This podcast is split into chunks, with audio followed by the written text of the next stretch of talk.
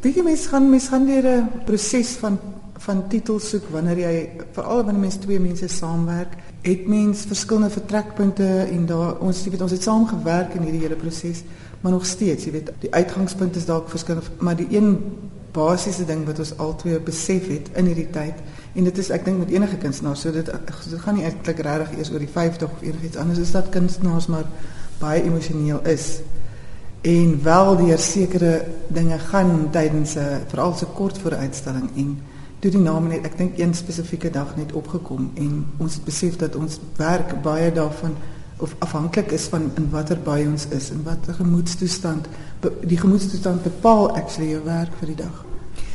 Dit werk vir my so goed by mekaar. Michelle al jou goeders is teen die mure. Marinda joune is is hierdie toevoegingkies tussenin. Ek meen hier is 'n enorme groot beeld van jou en dan is die piep klein. Mm. Dit is asof die twee so by mekaar aansluit. Ek weet dit het nou dieselfde tema, maar julle pas by mekaar. Dankie. Ja, ons het ons het nog altyd van mekaar se werk gehou. Ons ken mekaar al lank, baie lank. En ons het van mekaar se werke in ons huise en dit en dit werk in die interieur en en daai gevoel van die werke pas by mekaar. Ek dink dis ook waar die mood vandaan kom is dat ons werke het beide 'n mood waarmee jy kan identifiseer en dit is hoekom dit so goed pas en hoekom die titel so goed werk.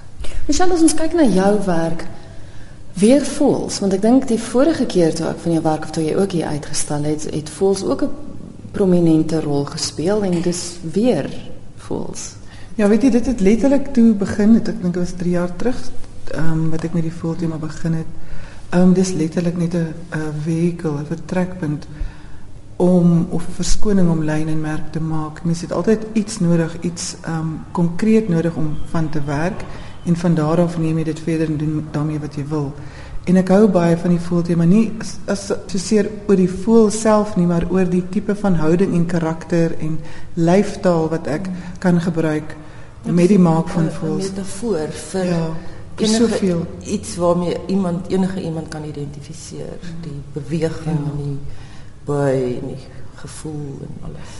Ek kan dit nie vasvat nie. Nee, maar weet jy ek het ek het gister vir iemand gesê wanneer ek 'n figuur doen of wat sê maar perd selfs, kyk mense na hoe ek hoe akkuraat dit gedoen is. As 'n been te lank is, gaan hulle sien daai perd se been is te lank of die mens se been is te lank wanneer ek 'n gesig doen, is dit te emosioneel of te mense lyk like bietjie af as ek dit doen. Maar met 'n voel kan dit lyk like soos wat dit wil. Dit maak nie saak of die vlek normaal lyk like of nie of in verhouding is of nie. Dit maak nie saak nie. So hoe meer ek dit um distorteer, so meer kry ek emosie daaruit en karakter daaruit en die essensie van um meer as net die voel. Weet dit is 'n basiese human uh, getuieskrif amper mm. wat daar aangaan op die doek. Dit is geweldig baie beweging in jou werk. As mens kyk ook na die die verf, dit dit vloei. Daar's 'n klomp van hulle wat wat letterlik lyk like asof die verf afloop onder toe. Dra dit by tot die beweging, die beweging juist omdat jy voels gebruik het? Ehm um, ek het nog altyd gehou van om ehm um, ehm um, energie te om die doek te aktiveer dat dit baie energie het. Um, maar my werk het stiller geword, het dit meer eenvoudig geword. Um, ek neig nou meer na die abstrakte merke. En maar daarvoor het, het die doek ook stiller geword aan die een kant. So ek probeer om met die tipe merk en die in die verfse spontane lopery net weer daai tipe e-, energie vas te vang sonder dat daar laag op laag verf is. Kyk gou 'n bietjie na die kleur gebruik. Dit is oorwegend wit doeke met swart merke en dan kleur hier en daar en dan hier en daar is daar een wat swart agtergrond is met wit bo. Ehm um, die doeke is in hierdie geval baie eenvoudiger hanteer omdat ek in hierdie uitstalling baie gekonsentreer het op lyn en merk, ehm um, veral met houtskool. So die kleur van die werk is basies soos 'n amper soos 'n waterverf aangewend al is dit op um, hout mm. is dit soos 'n waterverf aangewend en dis die agtergrond vir die houtskoolmerke wat bo oor dit kom. So om die houtskoolmerke te laat lees het ek 'n stiller agtergrond hierdie keer probeer amper soos 'n amper soos 'n tekenbord of 'n stuk waterverfpapier en ek het aanvanklik dit net op waterverfpapier gedoen en toe ek dit op doek wil doen toe besef ek maar ek sal dieselfde tipe van tegniek moet deurtrek So dit het ander vereistes jy weet daar gestel vir mense. Ek het wel um, regop gewerk met die nat verf en dis hoekom daar so baie verf loop en dit het my ook baie herinner aan graffiti waar waar ek nogal baie geïnteresseerd is op die oomblik graffiti kuns en die rol daarvan en so aan. So um, dis maar iets wat mens deurtrek waarmee jy jouself bemoei of besig hou. Dit sal altyd in jou werk uitkom. Al is dit net vir 'n dag. Ek weet op 'n stadium, ek weet nie hoe algemeen die kennis dit is nie, maar moes jy met jou ander hand begin verf omdat ja, een waarmee jy ja. gewoonlik verfprobleme gekry het, 'n klein bietjie oorwerk geweest en ja, hulle het hom nou reggemaak. Maar ek het vir ten minste, ek dink amper 'n jaar, ek kan nie eens onthou hoe lank nie, amper 'n jaar met my regterhand begin werk wat vir my heeltemal ehm um, weet hulle sê everything is good news and bad news en die good news daarvan was ek het ehm um, beheer verloor oor my hand of die tipe merk wat ek maak en ek het baie meer daarvan gehou. Dit het heeltemal iets anders uitgebring. So dit was aan een kant goed geweest want ek het daarbey probeer hou al het ek weer met my linkerkant begin werk.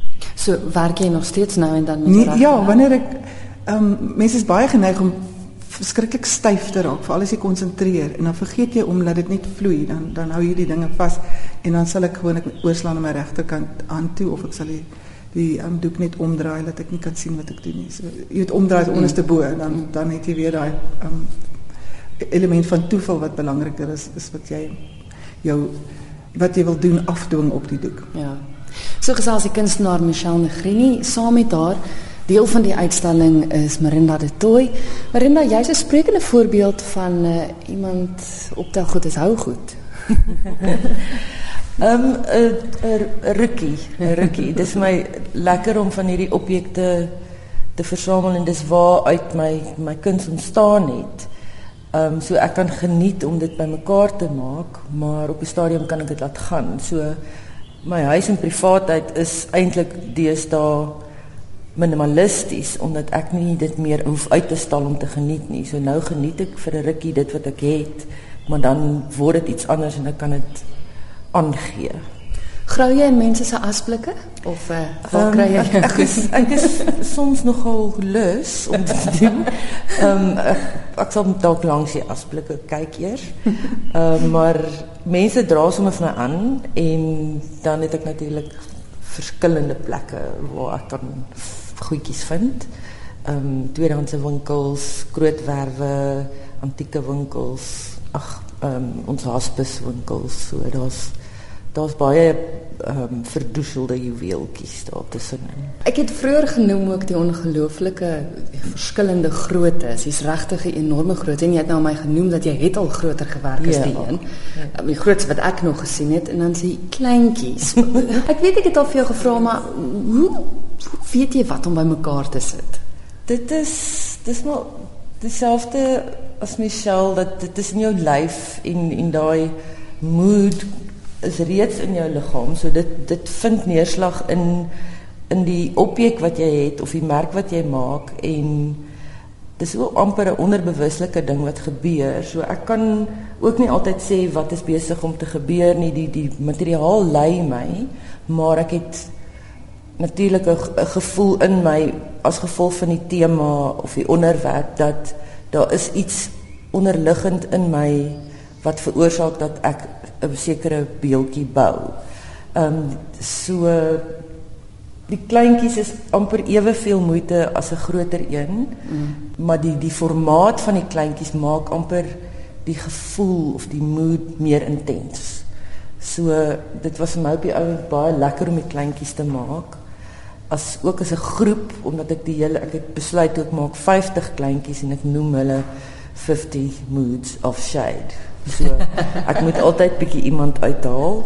Ehm um, so dit was my baie lekker en die ander grootes het ek maar gemaak ook soos wat die materiaal my lei maar ook in terme van dat daar 'n keuse is. En die die heel grootes is ook gewild vir tuine of stoepe of huise of enige iets en dit dit gee weer heeltemal 'n ander gevoel as die kleintjies. Mm, mm. Ehm um, dis amper moeiliker om daai gevoel oor te dra na grootte. Ja, want uh, as jy mooi daaraan dink, die hele tema gaan oor mood swings en jy moet ja. emosie uitbeeld. Ja.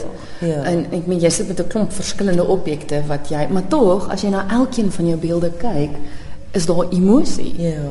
Ja, dit dit dit die materiaal help en die, en die postuur. Vir my is die postuur eintlik die die weerspieëling van die gevoel van die figuur.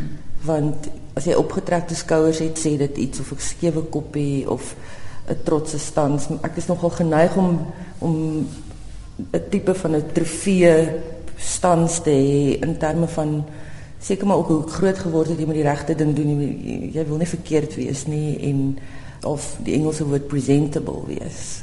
Dit is eintlik fenomenaal wat jy doen want jy vat ou goed wat mense weggooi en jy gee hulle 'n nuwe lewe. En ek dink as mens kyk ook na van hierdie beeltjies, die pad wat vrouens mense al gestap het, die dinge waardeur hulle is. Ja, ek ek voel sterk oor herwinning in enige vorm en dan om 'n om 'n merk te laat in terme van wat jy as mens bereik het of waar jy is. Mens moenie bevooroordeeld wees teenoor enige mens voor jy nie weet wat met hom gebeur het of waarvoor hy staan nie en verskeie mense kan op verskeie maniere 'n emosie meer vereenselwig in 'n beeldjie. So, dit is baie lekker om te hoor wat wat die kyker sien wat ek nie noodwendig bedoel het nie. Maar dit is ongelooflik hoe dit met mense kan praat of waarmee mense 'n koneksie maak. Gebeur dit soms dat jy een het wat jy sukkel om van afskeid te neem? Ehm um, gewoonlik het ek maar nodig dat dit verkoop. Ehm um, ek het nou ek is nou ek het nou die tweede brons ehm um, edisie begin. So en dit is nogal altyd vir my een van die mees spesiale beeldjies wat ek voel as 'n brons bietjie langer gebere moet word. Ehm um, so ja, so nou en dan is daar enetjie wat ek baie sagte plek vir het, maar éventueel kry hulle ongelooflike huise. So en ek moet dit laat gaan.